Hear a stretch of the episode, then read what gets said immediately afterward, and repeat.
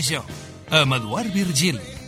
Hola, bona tarda. De nou passen 4 minuts i mig del punt de les 5 de la tarda. Això és Carrer Major, el programa que fem possible 8 ràdios de la xarxa i la Camp de Tarragona i la xarxa de comunicació local. Els expliquem aquí tot el que és notícia al nostre territori. Avui és divendres, per fi és divendres. Qui celebra això? Antoni Mateus i l'Antoni Omellado, que per aquest motiu ens han preparat avui una secció eh, de eh, tributs musicals. Uh, nois, hem marxat a publicitat amb la boca oberta, amb Metallica o no, amb ABBA uh, o no, i amb mil altres invents que hauran agradat més o menys. Uh, què escoltem ara de fons? Ui. Ara escoltem Bus, o Blues, depèn, ja, ja no sé el que és, eh? Estem parlant dels Bus Brothers. Els Bus Brothers. Sí, sí, ni furgoneta ni cotxe, eh? Aquesta banda madrilenya són amants del bus.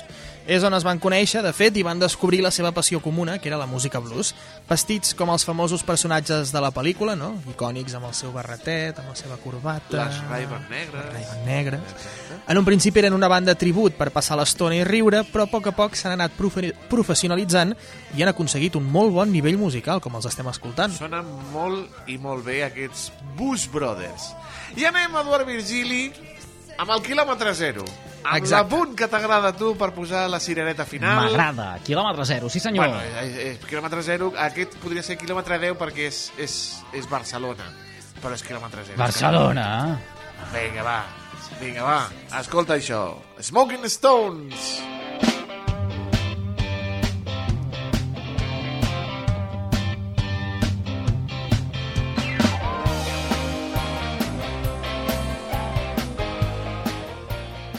Són d'aquí, són de Barcelona, són catalans, eh, i fa un munt d'anys que porten rodant pel món. Rolling, rodant... no tants com els seus adorats Stones, però sí una bona pila d'anys. Són els Smoking Stones. El gran Jordi Tardà, Tarda Tardà, que en pau descansi, el van descobrir, els van descobrir i sempre que organitzava alguna fira del disc de col·leccionista els portava per tocar temes com el Sympathy for the Devil, Angie, Satisfaction o aquest Brown Sugar. Fins i tot han agafat cançons dels Stones i les han versionat al català i sonen molt i molt bé eh, fent Jagger i companyia eh, els Smoking Stones aquí doncs, que també sonen aquí al carrer Major i que és el nostre punt final davant Molt de bé. Sí. Fantàstic. Per cert, que diria que també hi ha uns, uns Beatles catalans, uns Beatles. Hi ha una banda de tribut dels Beatles, eh, diria que és l'oficial o... Seguríssim, se- seguríssim, Va, seguríssim, seguríssim. ara no em vull mullar, però diria que, que sí, eh? Vull dir que... Molt bé. Escolta, tu que ets, uh, Mateos, tu que ets, tu que ets d'en de, d'en Bruce Springsteen, de... de tens, Ui, calla, tens, hi, ha, hi, ha, hi, ha, hi ha banda tribut del Bosch o què? Sí, lamentablement hi ha el Manel Fuentes, el presentador d'Antena 3. Sí, Hola, sí, soy sí. Manel Fuentes y soy muy fan de Bruce Springsteen i ell té una banda tribut que es diu Manel Fuentes and the Springsteen Band. Horrorós. bé, El, eh? el vaig veure a Cambrils i me van prohibir els meus companys llançar-li eh, gots i ampolles. Me van dir, no, Toni, comporta't, comporta't, però... Eh, no, Manel, dedica't a... Home, a veure, no, no és Born in the USA, ell. eh, Vull dir, és, No, ell eh, serà Boris Sabadell. Ho haurem de deixar aquí, nois. Uh, S'ha fet tard, com sempre, un plaer, bona feina, una abraçada ben forta fins a la selva del camp. Uh, Toni Mateos, Antoni Mellado, que tingueu un molt bon cap de setmana. Descanseu. Igualment, Igualment. vagi bé.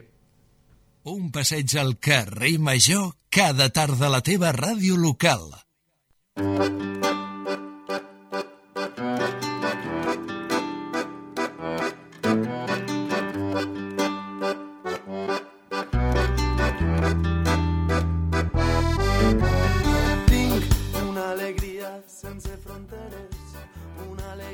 plana sense normes. Tinc una alegria de camins oberts, una alegria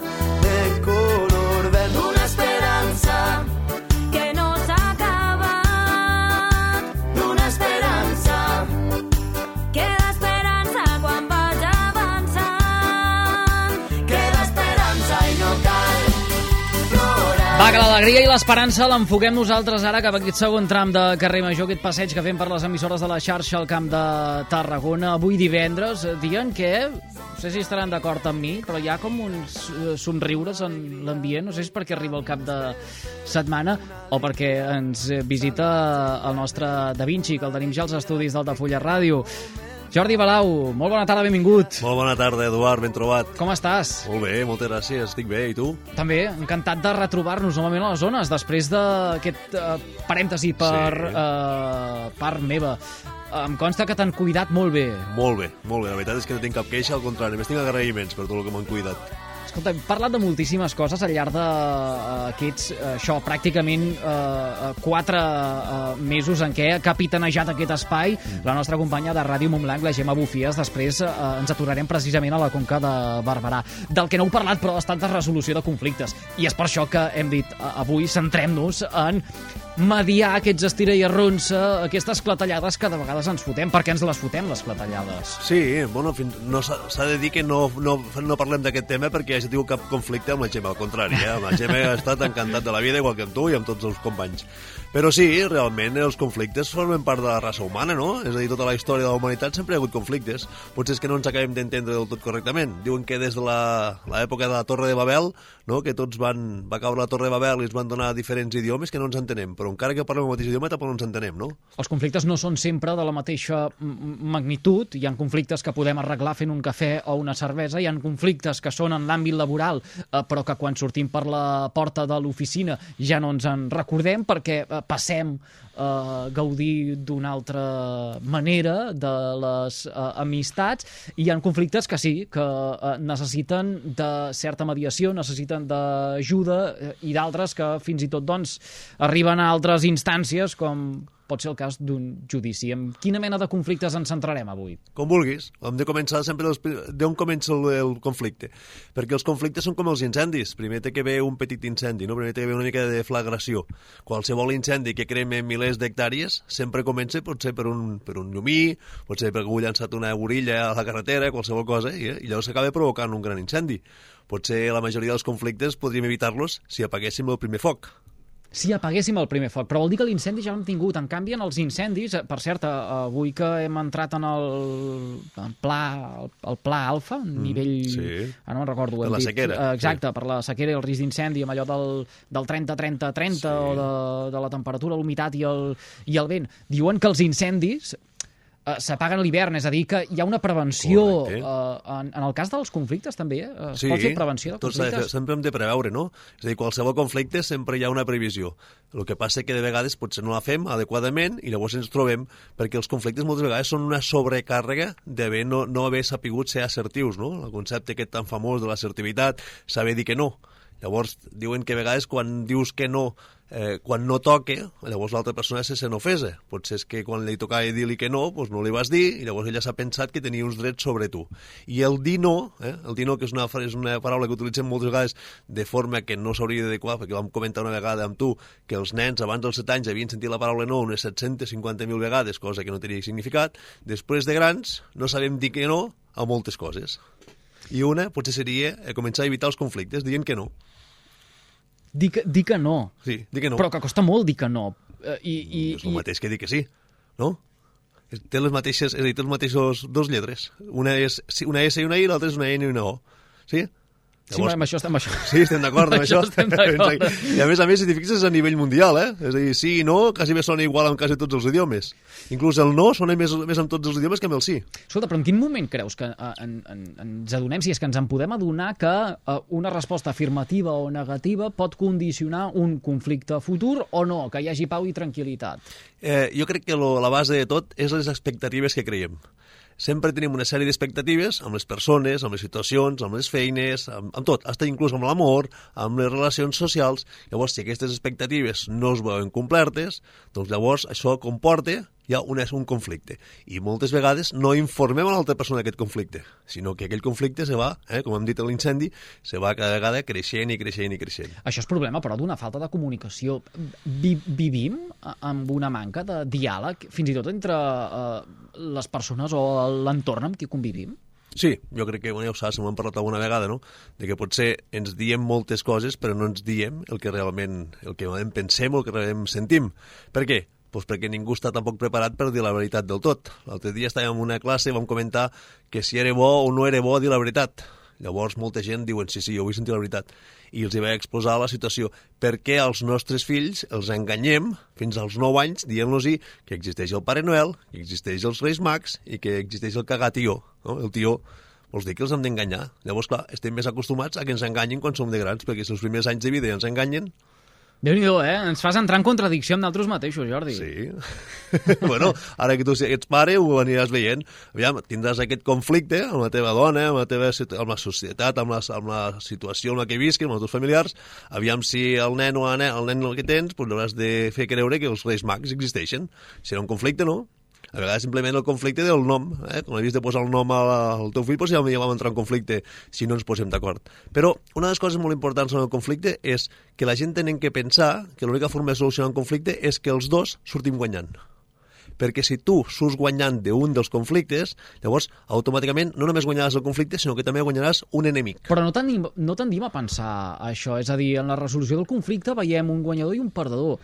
Però, com passa en un judici, que hi ha algú que eh, paga la pena, l'altre potser ja l'ha pagat abans, amb això no ens hi ara Sí. eh, eh, centrarem, però és així com eh, creixem. Eh, Però igual, que en la, saps- igual que en les guerres, que hi ha vencedors i vençuts. Però hi ha, que moltes guerres a vegades no acaben... Sempre, sempre hi ha vencedors i vençuts, i sempre, però tots són, són, són vençuts, perquè sempre hi ha pèrdues en una guerra, no? Pues amb el conflicte el mateix. És a dir, el moment que tenim que fer una descàrrega d'energia intentant convèncer l'altra persona de que tenim raó, doncs ja ens estem desgastant. Però a vegades també la paraula és la mediació. A moltes, molts, molts judicis, els advocats avui en dia diuen si entrem a judici sabem què pot passar, en canvi, si negociem i mediem abans, busquem una solució. Inclús a nivell judicial, molts dels, dels delinqüents eh, accepten una pena abans d'entrar a judici. Això és allò que fan els jutges de pau? Pregunto. Bueno, els jutges de pau són més, és una mediació a nivell social, no? si tinguéssim algun conflicte social amb el veí. Però a nivell judicial, els jutjats que veiem a les, a les províncies, a Tarragona, a les grans ciutats, a Vendrell i tal, doncs aquells judicis, eh, clar, el jutge pot decidir en funció de les proves que té. Però, en canvi, si, fe, si els advocats i la fiscalia ja negocien abans, doncs al cap i la fi, tots els en surtin guanyadors, no? Perquè la fiscalia el que vol és condemnar, perquè cada condemna en sortirà un resultat, i l'autor dels fets també vol intentar eh, que el condemni el menys possible. Per tant, tots dos cedim. Així que sempre que se diu tingueu un conflicte, si podem cedir una mica, penseu que de base també s'ha de ficar allò que es diu l'stop loss, no? La, el topall de pèrdua. Fins on som capaços de cedir. És aquella línia vermella eh, que hi ha qui en una negociació col·loca potser eh, més eh, per damunt del que realment hauria d'estar, perquè al final la, aquella pèrdua que hi hagi en la negociació eh, reconforti a l'hora d'arribar a un acord. Correcte.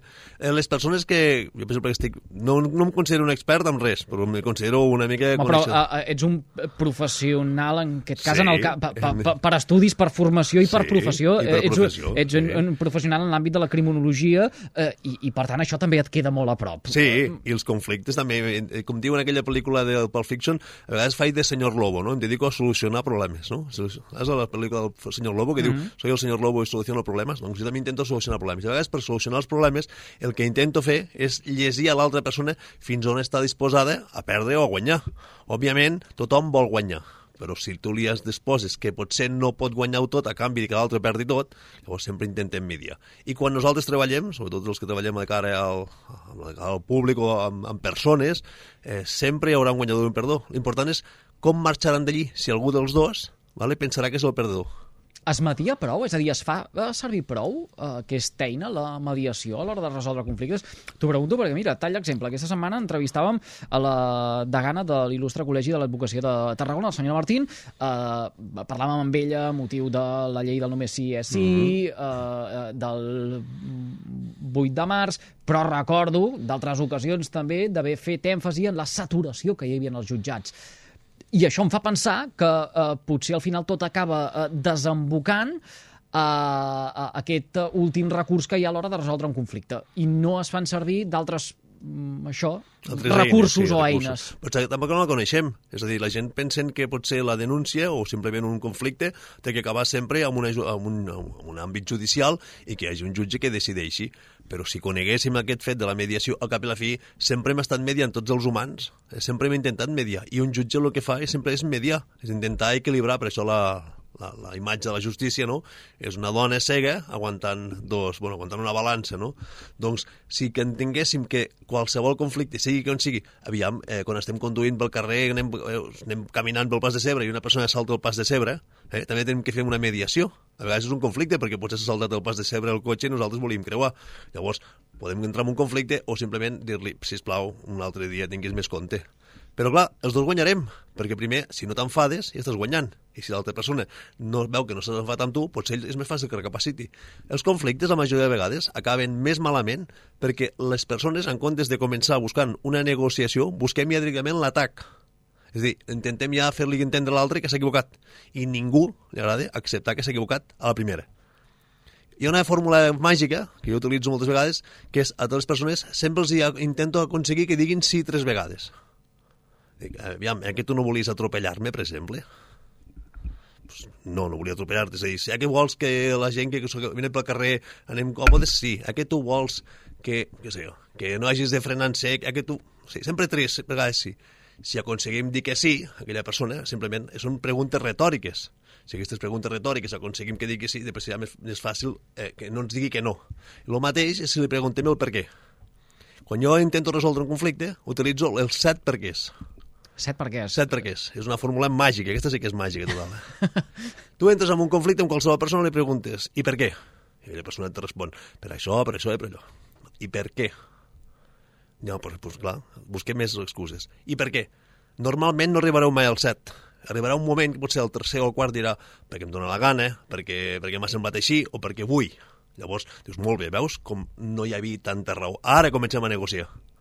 Ostres, quina estratègia, no hi havia Clar. parat a pensar mai. Clar, quan una persona ja no té més recursos, dius, comencem a negociar en el moment que tu em dius perquè sí, perquè em dóna la gana, perquè, perquè vull. Però escolta una cosa, de vegades els perquè sí s'han de fer. No ho sé, abans par um, dèiem del, dels fills. Sí. Uh, hi ha vegades que les coses són perquè sí. I, i, i prou. Sí, però ha, ha, canviat molt el sistema, eh? Els nostres pares abans potser les altres generacions tot era perquè sí. Ara haurem de motivar-ho molt més. I llavors sempre hi ha una fórmula amb els nens, i això hi ha cadascú que faci el que vulgui, però la fórmula dels nens és eh, no li diguis mai que no, digue-li el que sí que pot fer. Llavors, en comptes de dir, per què no puc fer això? Perquè sí, perquè t'ho dic jo, no? No, no pots fer això perquè podries fer una altra cosa, sempre donar una segona opció. Llavors, què és el que hem de fer una mediació? Amb els nostres fills aprendrem molt a mediar, perquè els conflictes seran contínuament, perquè ells ara no entendran mai el no és no i el sí és sí, tot i que ara ha sortit una llei que és el sí és sí. Però si te recordes, la llei va sortir primer que es deia no Sí, és sí, no, sí. Sí, i l'hem sí, tingut que modificar a la sí és sí. Per què? Perquè el no és no, ja vam dir una vegada que no, no s'entén, és a dir, no té cap sentit dir no és no, perquè una vegada que diguem no ja prou, no? Els catalans utilitzem una fórmula molt màgica, molt fantàstica i molt divertida, que és allò de sí, sí, no, no. Diu, com estàs? Bueno, bé, sí, sí, no, no, anar fent, no? Sempre utilitzem el És sí, el, sí. mira, jo estava pensant ara amb el, amb el ja ho veurem, Amb el no, ja ho de, la, veurem, sí. de la canalla, jo recordo això, Sí. de, de, de petit, per, per no mullar-se, uh, per no decantar el ja ho veurem, Sí. uh, queda a l'aire i mm, no sé si serveix per mm, endarrerir més aquella resposta definitiva, per mirar si uh, la persona en qüestió mm, acaba oblidant-se'n, o perquè no volem que, dir que no de, de primeres. Sí, per exemple, eh, una de les coses que podem fer a l'hora de resoldre els conflictes, que també aplico, és el, el procés de 28 dies. És a dir, jo sempre m'apunto les coses, o per exemple la meva filla, si la meva filla em diu mira papa, que voldria comprar-me això, fem una foto, fem una foto, comprem una... vols comprar aquesta nina? Comprem, fem una foto. I aquella foto la guardarem durant 28 dies. Si d'aquí 28 dies la vols, que estàs tan convençuda i no has vist res més que et faci més gràcia que això d'aquí, són 28 dies és un mes, és un cicle, no? Un cicle de llunar. Llavors, d'aquí 28 dies. Òbviament, d'aquí 8 dies... Si vosaltres voleu tenir un conflicte amb els mateixos de si canvio de feina, si no canvio de feina, si, faig, si prenc una decisió, si em compro una tele, agafeu, guardeu durant 28 dies, feu un cicle lunar És a dir, igual on estem? Si com est... Avui estem a lluna, ja ha acabat la lluna plena, no? Ai, no sé, tenim aquí el calendari. Ah, que sí, que la lluna plena? Les llunes, no? Com, ai, com cauen. Ara no ahir, ahir, va, Mira, ahir sí. està lluna plena. Avui és uh, dia 10. 10. I sí, era lluna plena el dia 7. Perfecte, Uh, ja estem en lluna creixent. Molt bé. Pues el d'aquí 28 dies tornarem a estar igual. no? La lluna són 28 dies. Llavors, haurem viscut, què? Quatre fases lunars, imagineu-vos. Haurem dit, una fase lunar potser estarem molt animats, l'altra estarem convençuts de que sí, l'altra convençuts de que no, i al final, la última serà la concreta, perquè, haurem tingut molta més varietat. Funciona o què? Bueno, és com tot. No funciona fins que ho posem en pràctica i més d'una, més dos i més de tres. No m'has respost, però allò que et preguntava jo de si, Digue'm. uh, de si es media prou, de si es fa uh, servir suficientment aquesta eina de la mediació per uh, no arribar a enquistar segons quina mena de conflictes. Estem amb una agressivitat al, al carrer, arrel de la pandèmia i tot, ja ho sabeu, la gent ens hem, ens hem cremat moltíssim. Eh, estem, diguem que com tot eh, el discurs eh, més habitual és que no funciona res, que tot va malament, que si la llum ha pujat, que si fa mal temps, que si el canvi climàtic, que si tot està malament. Llavors, és molt més difícil mediar amb això, però si en comptes d'això de veure sempre la, el baix mig buit, mig buit, el veguéssim una mica mig ple, sempre hauríem l'opció. Clar que no, que no s'aplica massa la mediació. Per què? Perquè també la gent la desconeix perquè avui en dia ens han educat amb que tots hem de ser guanyadors, hem de ser el primer en tot. A mi no m'agraden els esports de, de, on, on hi ha un guanyador. Per exemple, a mi m'agraden molt les arts marcials, però les arts marcials no vaig a guanyar, només vaig a aprendre. És a dir, en un partit de futbol sempre hi té que haver un guanyador i un perdó. Al bàsquet, si empaten, el bàsquet és meravellós, perquè si empaten, tenen que desempatar. No hi pot haver un empat. En canvi, no, el futbol no se pot empatar, no? Però hi ha molts esports que no. Un esport també té que guanyar. El tennis poden estar Sí, sí. 7 hores seguides fins que guanyi un dels dos. Vale. Per què no els eduquem als nostres fills en fer un, alguna cosa que no sigui guanyar? És a dir, si perquè un guanyi l'altre té que perdre, per què no els ensenyem a fer coses? Els eduquem sempre, sobretot els fills... la, competi mateixos. la competitivitat sí, és... però clar, això crea molta frustració i la persona que està frustrada és molt més difícil després de mediar. Ningú vol mediar. Per què? Perquè si ha perdut, el següent dia vol guanyar. O almenys vol guanyar el que l'ha fet perdre. Com es, com es media?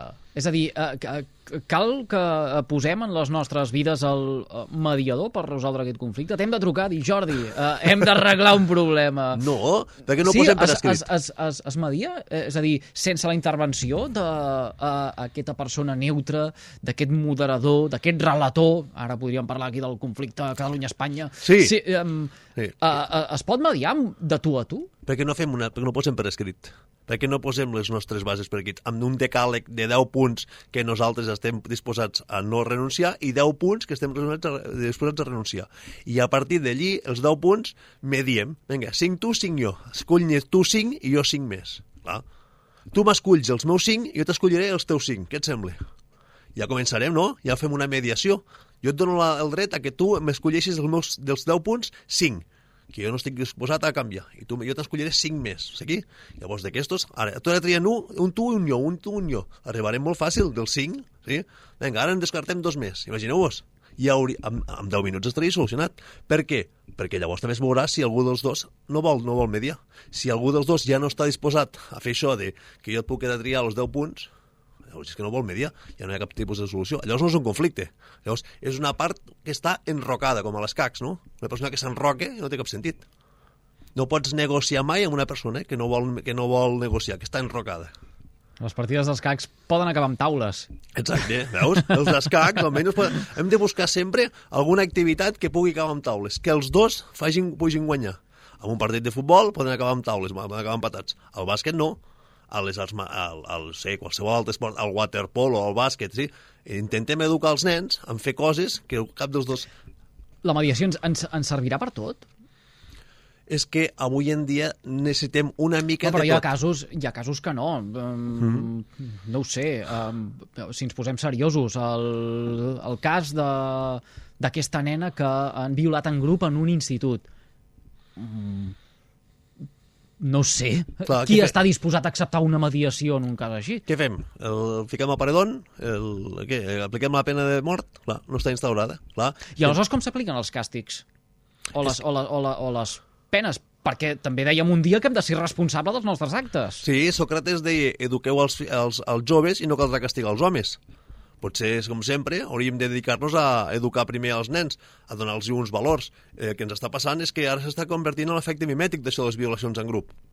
L'altre dia sortia una notícia, se la vau veure, suposo que sí, que uns nois en un institut van agredir a una noia, la van tirar al terra al mig de la classe. Eh, el que es comentava és que això és una rèplica de les pel·lícules porno que, les, que els nens veuen a la tele.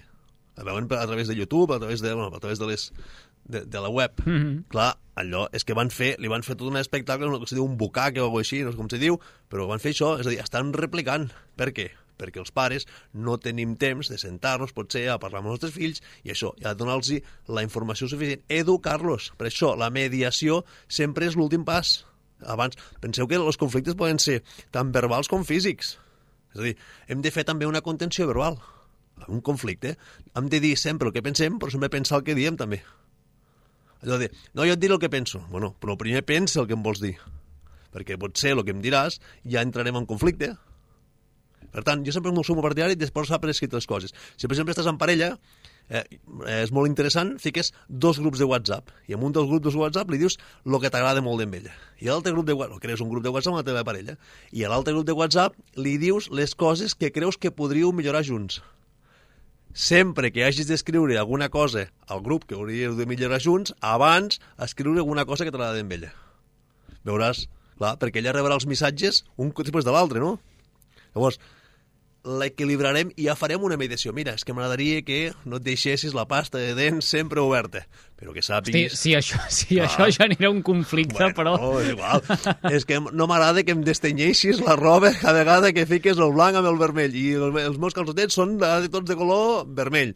No, sisplau, m'agradaria que fossin de color blanc o negre, com sempre. No, llavors, això, aquest petit conflicte, eh, això genere, no?, genere eh, la gota malaia que se'n diu, va caient cada dia una coseta, una coseta.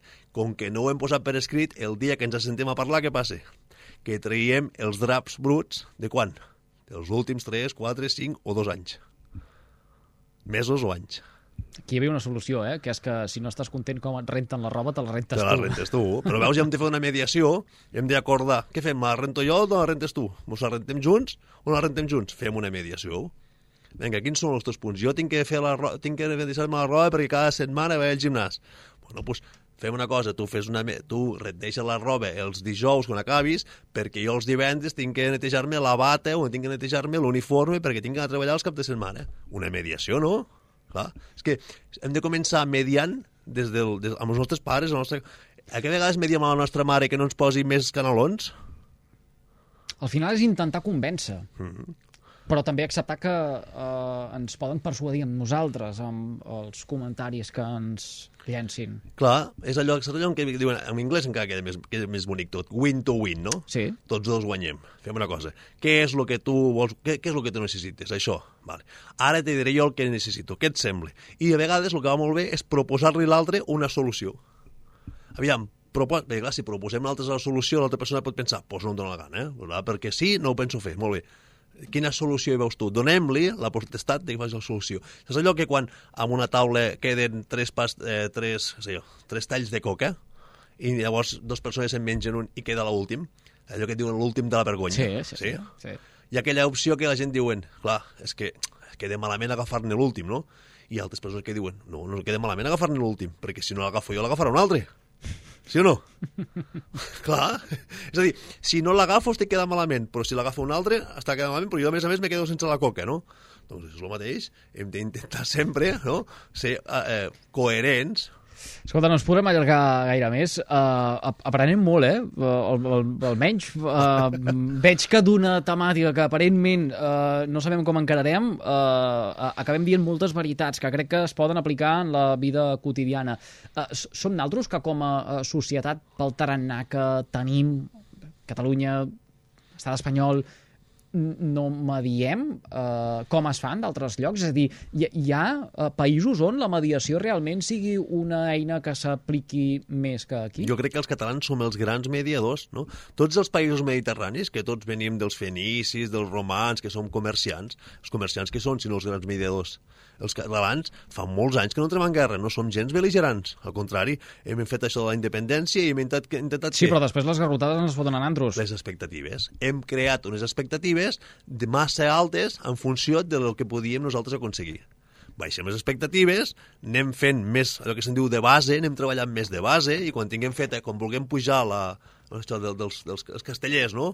Per pujar a una bona, un pilar de 8 hem de crear primer una bona base. Quan tinguem feta la bona base, allò que se diu, les manilles, Sí, sí, folre, manilles, folre, manilles, i puntals anem i el que faci falta. Eh, exactament. Pues anem creant això, anem creant sempre una bona base. Igual que la mediació. Per cert, us, eh, us encoratjo o us invito a que el 23 de maig fem un curs de resolució de conflictes a, a Reus. És gratuït i ho fem a través de la UGT, el seu Institut de Formació Operativa. ITFO, IDFO. En parlarem, doncs, ja ho recordarem quan sigui el Sí. moment. Escolta una cosa, t'ho he de dir, eh? Uh, T'ha agradat molt això com si t'haguessis de presentar les eleccions, eh? D'eixamplar la base, home, ara que... Hem d'eixamplar la base. Eixamplar la base. Sí, sí, sí, sí. Jordi, un plaer com sempre. Moltíssimes Encantats gràcies, de, de, de rebre't. Que vagi molt bé. Moltes gràcies. Va, que nosaltres el que fem quan passen 4 minutets al punt de dos quarts de 6 de la tarda és descobrir una nova càpsula de català, un nou podcast que ens fa arribar la nostra companya Gemma Bufies des de Ràdio Montblanc. Avui ens centrem en els drets lingüístics en el sector sanitari.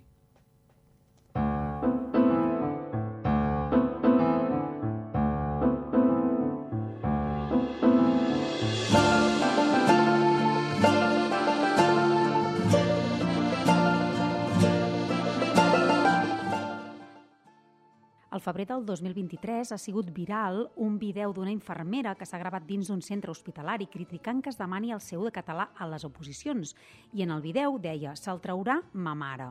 Avui volem parlar dels drets lingüístics dels catalans en l'àmbit sanitari i per això ens acompanya l'Òscar Rodríguez Ibáñez, que és cap de drets lingüístics de Plataforma per la Llengua. Què en penseu d'aquest vídeo que s'ha fet viral de la infermera de la Vall d'Hebron que criticava que calgués el seu de català? N'hem estat pendents des del primer moment, no, no perquè sigui un cas que sigui estadísticament significant, perquè doncs, hi ha molts casos i molta, moltes casuístiques diferents, però sí per la mm, vehemència i, i la impunitat amb, amb què semblava que es pogués fins i tot totes les infraccions que a més a més cometia pel fet de, de fer-ho en un lloc laboral sense, sense mascareta. I com valoreu eh, aquest cas en concret? És greu, però s'insereix també en el fet de que ella sí concretament ha estat contractada per un procés d'urgència en què no se li ha demanat el català i de, també tenim constància que aquests processos d'urgència eh, no estan controlats d'una manera centralitzada, de manera que no se sap si realment quan, quan una administració sanitària alega urgència per saltar-se el procediment ordinari pel qual sí que hauria de requerir el català, realment hi ha aquesta urgència o hi ha una, fa, una manca de candidats en aquella plaça o no, perquè després també hi ha molta gent que sí que té el català, que, que treballa un dia sí, un dia no i té contractes curts. Aquest vídeo és un exemple del que vivim els catalanoparlants i les catalanoparlants, per exemple, dins de l'àmbit sanitari? Això al final també demostra que hi ha una part de, de la normativa que no només ha de garantir certs drets, sinó que també ha d'incidir en les conductes, perquè eh, la catalanofòbia que hi ha, el supremacisme lingüístic castellà, no es limita només a l'estructura del govern, sinó que molts cops és reproduïda per, per parts um, per moltes parts de la societat i, del, i de la funció pública. És minoritari, sí, però hi és. I quan hi és, eh, ja no serveix de gaire que tu tinguis dret de parlar català, fins i tot que la persona l'hagi hagut d'acreditar, que, que, no era el cas en aquest cas, però hi ha vegades que, que l'hagis acreditat, després no vol dir que el parlis. Hi ha d'haver una part també en què hi hagi unes instruccions i, i també que, que es disciplinin els comportaments que van contra els drets dels pacients, contra els drets lingüístics i contra l'empatia i la dignitat que, que mereixen els usuaris. Com definiries la catalanofòbia? Des del vessant lingüístic, perquè també doncs, eh, seria com una paraula que, que pot tenir un vessant més ampli, eh? però des del vessant lingüístic ens referiríem al supremacisme lingüístic específic eh, que patim els parlants de català pel fet d'expressar-nos en la nostra llengua i que altres persones creguin que la seva llengua és més important que la, que la teva i que, per tant, hauries d'adequar-te als seus requeriments i a la seva comoditat. A, això no és un tema exclusivament, és a dir, si diem catalanofòbia sí que se'ns aplica a, a, no- només en antros, però no és un tema que sí que patim exclusivament els catalans i que el patim exclusivament envers el castellà, perquè també a la Catalunya no res amb envers el francès, però eh, és la història dels diferents imperialismes i de diferents ideologies que han sorgit, que pensen que unes llengües són més importants que les altres i que tenen dret, per tant, a imposar-les en, en diverses situacions. I quins són els nostres drets com a usuaris i usuàries en els centres sanitaris en matèria de llengua? Tenim dret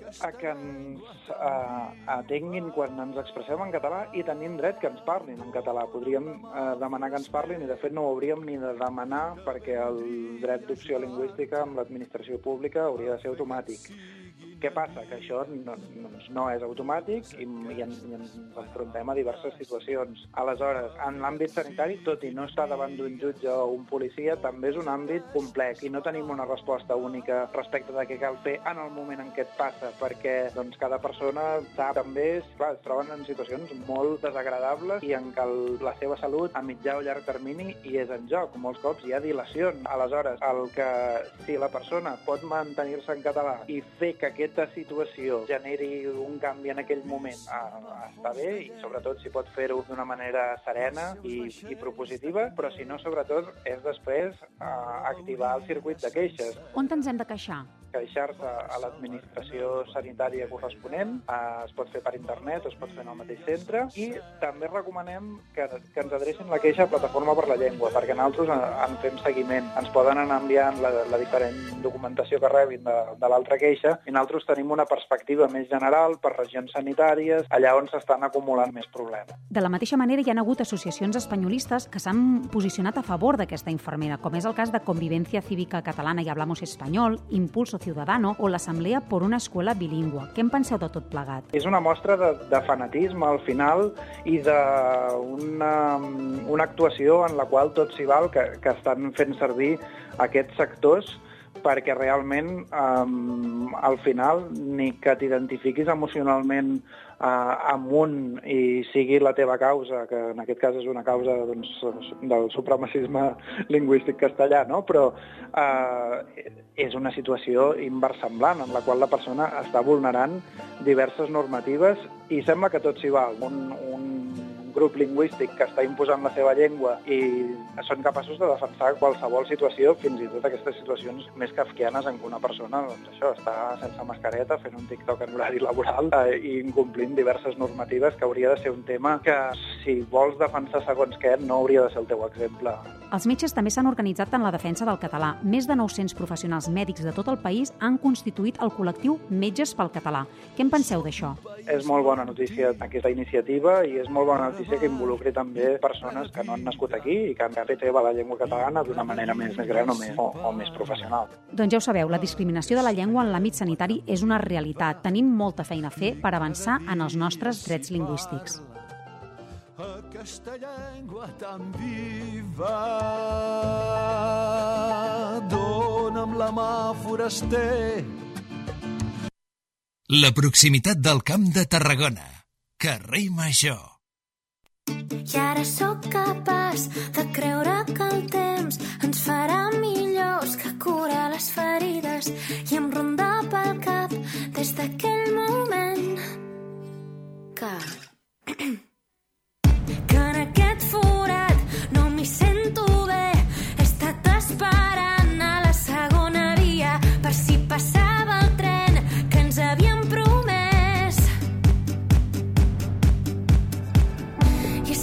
oblidat tots els teus perquès. Les teves paraules se les emporta el vent. I és que és massa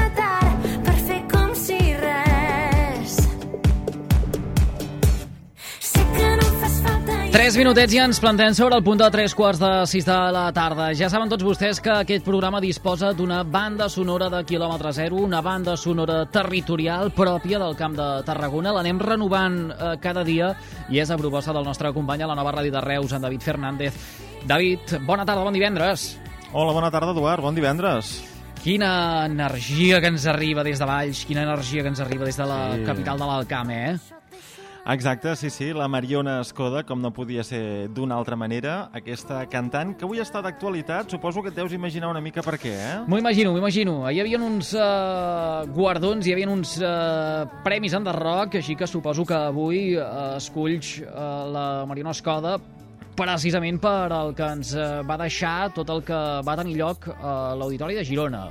Ah, exacte, ahir se celebraven els Premis Enderroc, o el que és el mateix, els Premis de la Música en català, i ja fa uns dies us vam explicar quines són totes les formacions al Camp de Tarragona que van passar la primera fase preliminar, i us vam anar explicant doncs, quines eren les que anaven avançant. Finalment, doncs, ahir es van premiar dues formacions del Camp de Tarragona. Una, la Mariona Escoda com a millor artista en revelació, segons la votació popular, i això que estem escoltant és el senzill d'avançament del seu nou treball, que ens va avançar el passat mes de desembre i que es diu Et deixo la mà. L'altra formació del Camp de Tarragona que també va resultar premiada van ser els Pets. Se'ls va donar un premi especial, el Premi Enderroc 25 anys per les 25 edicions d'aquests premis i, per tant, doncs alguns ja ho sabíem, doncs, que havien quedat fora en Joan Masdeu, eh, la roba estesa, els Figaflaues de Valls també finalment han quedat fora, i els Julivert, que també optaven a millor Sí. disc de folk, doncs finalment, tot i que haver passat no, i ser un dels tres finalistes, doncs no han aconseguit endur-se el guardó. Poca presència eh, de gent del Camp de Tarragona, això sí. Si anem una mica més per avall, a la Ribera tenim en Xarim Araster, que ell va guanyar doncs, el millor disc de pop-rock, segons la crítica. Per tant, ho acabaríem aquí. Poca presència, com diem, de gent de la zona, de gent del territori, però per això doncs, cal felicitar com toca la Mariona Escoda, als Pets i, mira, també de retruc, el Xarim Araster. I tant, i vaja, felicitem a tots els uh, guardonats eh, d'aquests Premis Sí. Enderroc. Només faltaria que ens mirem al Malí, que és el que ens toca aquí per uh, ser del Camp de Tarragona. Uh, però vaja, sabem que hi havia molts mm, noms destacats eh, del panorama musical català, així que res, uh, parren molts anys a, a tots ells i elles, i a veure si l'any que ve més sort. A veure, a veure, a veure. I enguany s'ha de dir que és un, la primera vegada que les dones lideren els Premis Enderroc, eh? Per tant, ens n'alegrem doblement i també per la Mariona Escoda. Fantàstic. David, escolta, són tres quarts de sis de la tarda. El que hem de fer ara és eh, viatjar pel territori, però tu no marxis gaire lluny, eh, que et saludem eh, just després del butlletí informatiu de les 6. Aquí estaré, clavat com un pal. Fins ara. Que vagi molt bé. Fins després. Aquí tenim clavada com un pal és la nostra companya de Ràdio Montblanc, la Gemma Bufies, que ara fa un momentet ens oferia una càpsula de català molt interessant entorn de la llengua en l'àmbit eh, sanitari. Però ara deixarem de banda totes aquestes qüestions perquè el que farem serà eh, introduir-nos, eh, llançar-nos de cap en una entrevista molt sonora. Mhm, Efectivament, Bufies. Eduard. Sí, sí, bona tarda. Bona tarda. Bona tarda a tothom. I sí, és una entrevista sonora perquè avui anem fins al Centre d'Arts Contemporànies de Tarragona, el Mèdol, el qual va estrenar la seva segona temporada amb una exposició sonora a càrrec d'en Fito Conesa, anomenada Ones de Resistència. Aquest treball està comissariat per l'artista de Cartagena, Fito Conesa, qui ens acompanya avui a Carrer Major. Bona tarda. Bona tarda i gràcies per convidar-me, que és com un luxe, un divendres a la tarda és un planazo estar aquí parlant. Sí, sí, i tant, és un superpla poder parlar amb tu, eh, una persona que ets un artista visual i sonor, i en aquesta ocasió, com dèiem, doncs, el comissari d'aquesta exposició Ones de Resistència. Com dèiem, es va inaugurar a principis de febrer i avui encara en parlem perquè es podrà visitar fins al 9 d'abril. Podríem definir l'exposició com una exposició multisensorial? Jo diria que sí, de fet, eh, amb tot el tema que estem vivint ara, no? d'aquesta relació que tenim amb la pantalla i amb, i amb entendre el so més enllà dels auriculars, jo diria que sí, que és, que és en realitat una experiència sensorial i espacial també, perquè l'espai és una mica complicat, molt, molt, molt, molt com un laberinto, diguéssim, i, i sí, jo crec que és una bona, una bona definició, sí. Mhm. Com, com sorgeix la idea de crear aquesta exposició, les zones de resistència? En primer lloc va ser el Vicent Fible que em va convidar, perquè és veritat que jo crec que tot i totes tenim com obsessions, i la meva era la vibració, no? I aquesta idea de les zones, més enllà de, de doncs, la vibració del telèfon o una vibració d'un terratrèmol, sinó del so com vibració.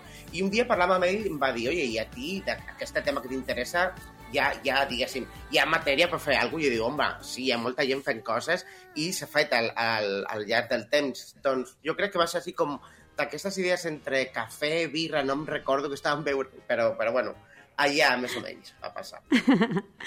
Clar, tu has volgut abocar la capacitat que té la música, la veu, aquests sons ambientals, no? De, també de recordar-nos, vinculats amb aquesta memòria individual i col·lectiva. Totalment. Jo diria que l'exposició, eh, tot i que és una, evidentment és una exposició sonora, hi ha molt estímul visual, però també és una reivindicació a, a, la, a, la, a la música i més enllà al so com una eina per recordar i per crear arxiu de, de memòria, no? Del territori i més enllà. Per exemple, la meva mare, tot, tot i que jo vaig néixer a Cartagena, la meva mare té una relació amb Barcelona molt potent, perquè ella va estar vivint fins a... Jo tenia, jo crec, 13 anys, més o menys, a l'Hospitalet, i anava a França a treballar a la vendímia, i ella recorda cançons de la vendímia i les cantava quan jo era petit. Doncs aquest tipus de situacions, que de vegades són molt personals, molt familiars, però que al, a la, al cap i a la fi parlen d'algú més gran, jo crec que estan allà, d'alguna manera, en, a, en aquesta exposició rara, però en el bon sentit, no? una rara avis, i, i sí, és una reivindicació això, el so i les cançons populars i te'l records com una eina per recordar i per crear arxius sonors també. Ara estem sentint la Núria Feliu, se sent de fons, que el tècnic ens l'ha posada així de sintonia de fons, i, i jo l'he volgut posar com a ambient perquè, perquè veiem a la notícia de l'exposició que hi han aquests discos de la Trinca, de la Núria Feliu, d'aquesta memòria de, de fa els 40 anys, no de la memòria de Tarragona, tu també volies retratar.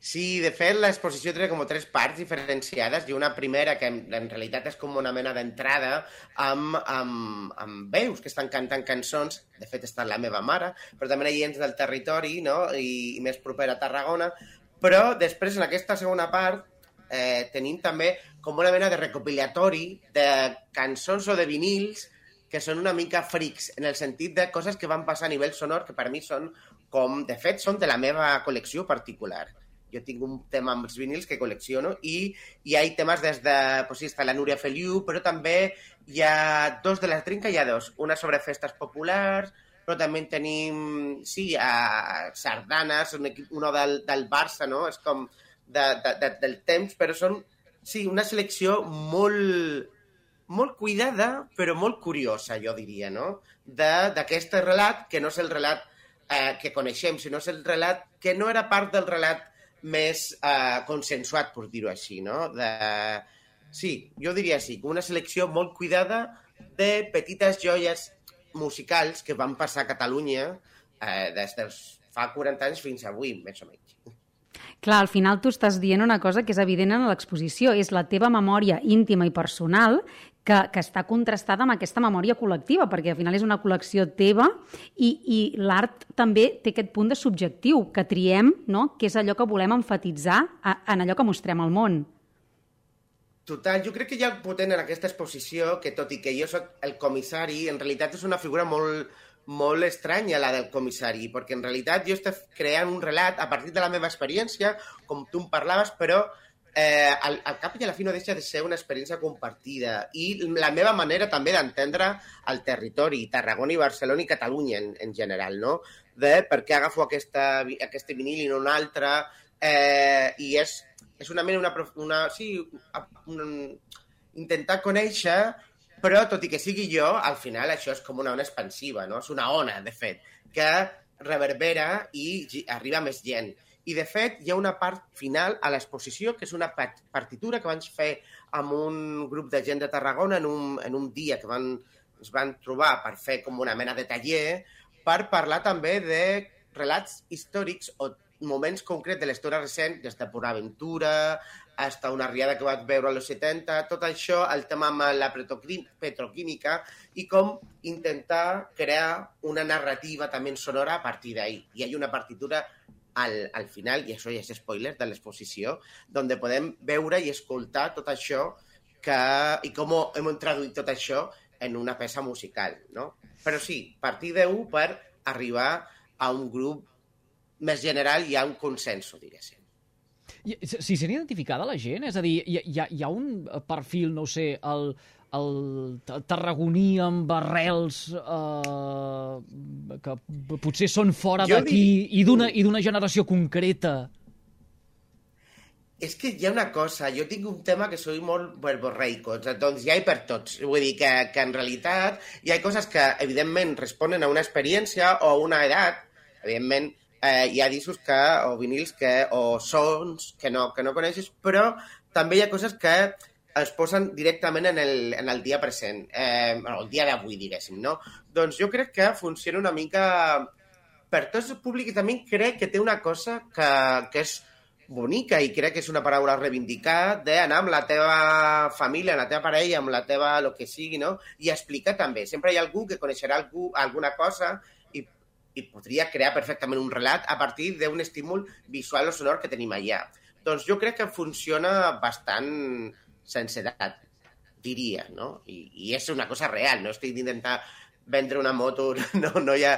No, però és, és real. I sempre hi ha un, un estímul o un vinil o un llibre o un so que pot activar una conversa o, o, o això, posar en relació diferents etats i generacions, mm -hmm. diria. De fet, per fer aquesta exposició també va haver-hi una activitat col·lectiva, no?, per tal de crear una coral efímera. Això va ser al gener, però explica'ns també doncs, aquesta, aquesta obertura no?, a la ciutadania.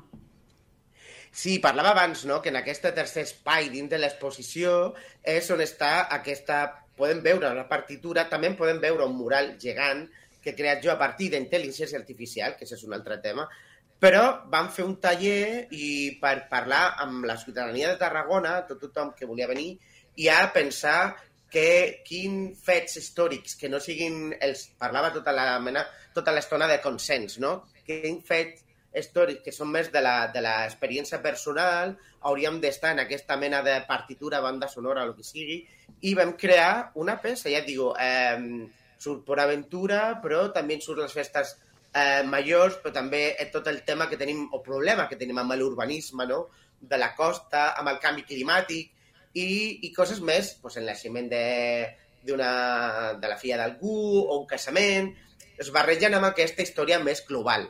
I sí, això està allà i se pot escoltar. I mira, que per mi és important, també, mirar, mirar o intentar entendre una partitura a partir del so que està sonant a la sala. Veig sostenibilitat aquí també, eh? ara que tenim aquesta fixació amb l'any eh, 2030. Eh, farem també aquesta reflexió?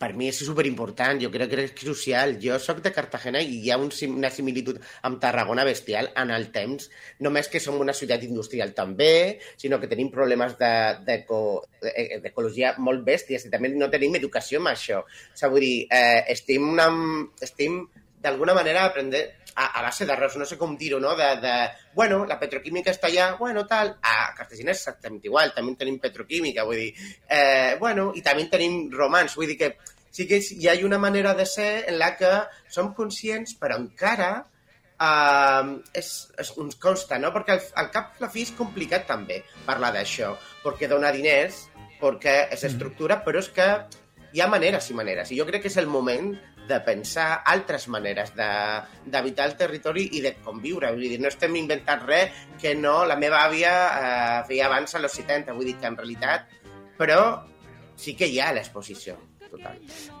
Eh, hem d'anar a publicitat un moment. Després eh, m'estiraran de les orelles a mi perquè faig anar el programa eh, malament de temps i aquestes coses. Però és que m'he quedat amb ganes de saber allò de la intel·ligència artificial. Eh, en, en podem parlar ara quan tornem de la pausa?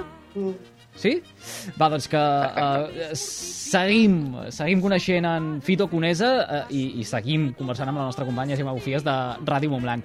Res, quatre anuncis al butlletí de les 6 i de seguida tornem. No marxin.